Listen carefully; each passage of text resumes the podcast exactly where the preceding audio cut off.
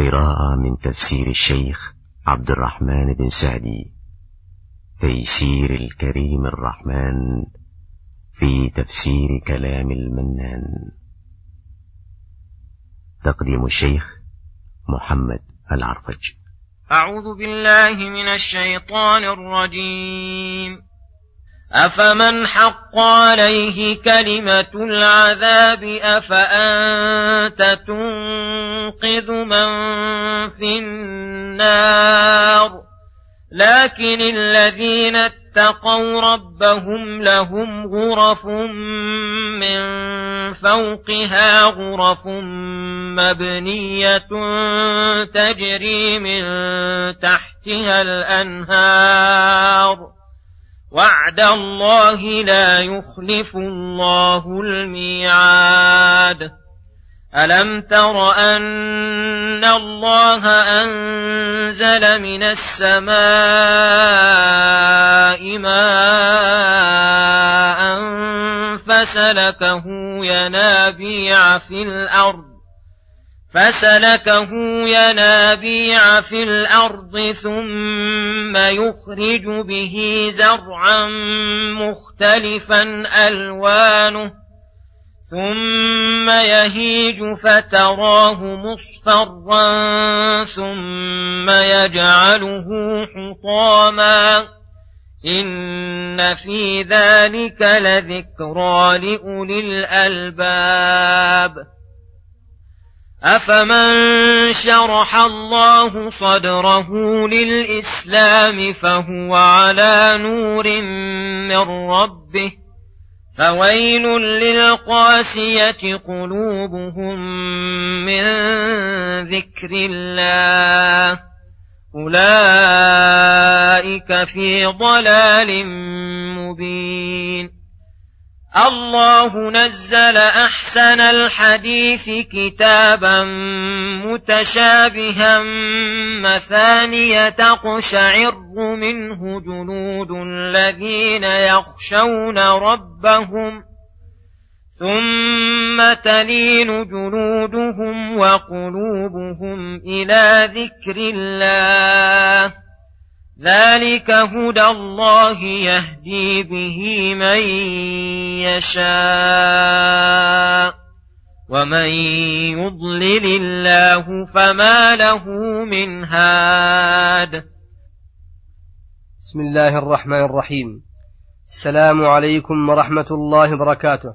يقول الله سبحانه أفمن حق عليه كلمة العذاب أفأنت تنقذ من في النار؟ الآيات. أي أفمن وجبت عليه كلمة العذاب باستمراره على غيه وعناده وكفره فإنه لا حيلة لك في هدايته ولا تقدر أن تنقذ من في النار لا محالة. لكن الغني لكن الغنى والفوز كل الفوز للمتقين الذين أعد لهم من الكرامة وأنواع النعيم ما لا يقادر قدره. لهم غرف أي منازل عالية مزخرفة من حسنها وبهائها وصفائها أنه يرى ظاهرها من باطنها وباطنها من ظاهرها. من علوها وارتفاعها أنها ترى كما يرى الكوكب الغابر في الأفق الشرقي أو الغربي.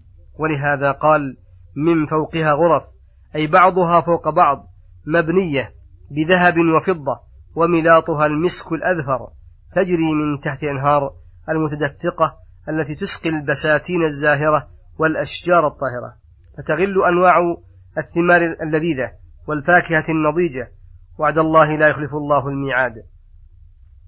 وقد وعد المتقين هذا الثواب فلا بد من الوفاء به فليوفوا بخصال التقوى ليوفيهم أجورهم. ثم يذكر تعالى أولي الألباب ما أنزله من السماء من الماء وأنه سلكه ينابيع في الأرض أي أودعه فيها ينبوعا يستخرج بسهولة ويسر.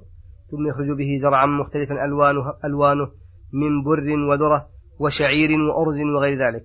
ثم يهيج عند استكماله أو عند حدوث آفة فيه فتراه مصفرا ثم يجعله حطاما متكسرا إن في ذلك لذكرى لأولي الألباب. يذكرون بها عناية ربهم ورحمته بعباده حيث يسر لهم هذا الماء وخزنه بخزائن الأرض تبعا لمصالحهم. ويذكرون به كمال قدرته وأنه يحيي الموتى كما أحيا الأرض بعد موتها. يذكرون به أن الفاعل ذلك والمستحق للعبادة.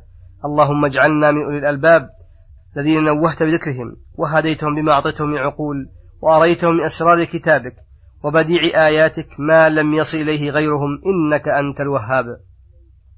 ثم يقول سبحانه أفمن شرح الله صدره للإسلام فهو على نور من ربه؟ الآيات. أي أفيستوي من شرح الله صدره للإسلام؟ فاتسع لتلقي أحكام الله والعمل بها منشرحا قرير العين على بصيرة من أمره وهو مراد بقوله فهو على نور من ربه. كمن ليس كذلك؟ بدليل قوله فويل للقاسية قلوبهم من ذكر الله. أي لا تلين لكتابه ولا تتذكر آياته ولا تطمئن بذكره بل هي معرضة عن ربها ملتفتة إلى غيره فهؤلاء لهم الويل الشديد والشر الكبير. أولئك في ضلال مبين.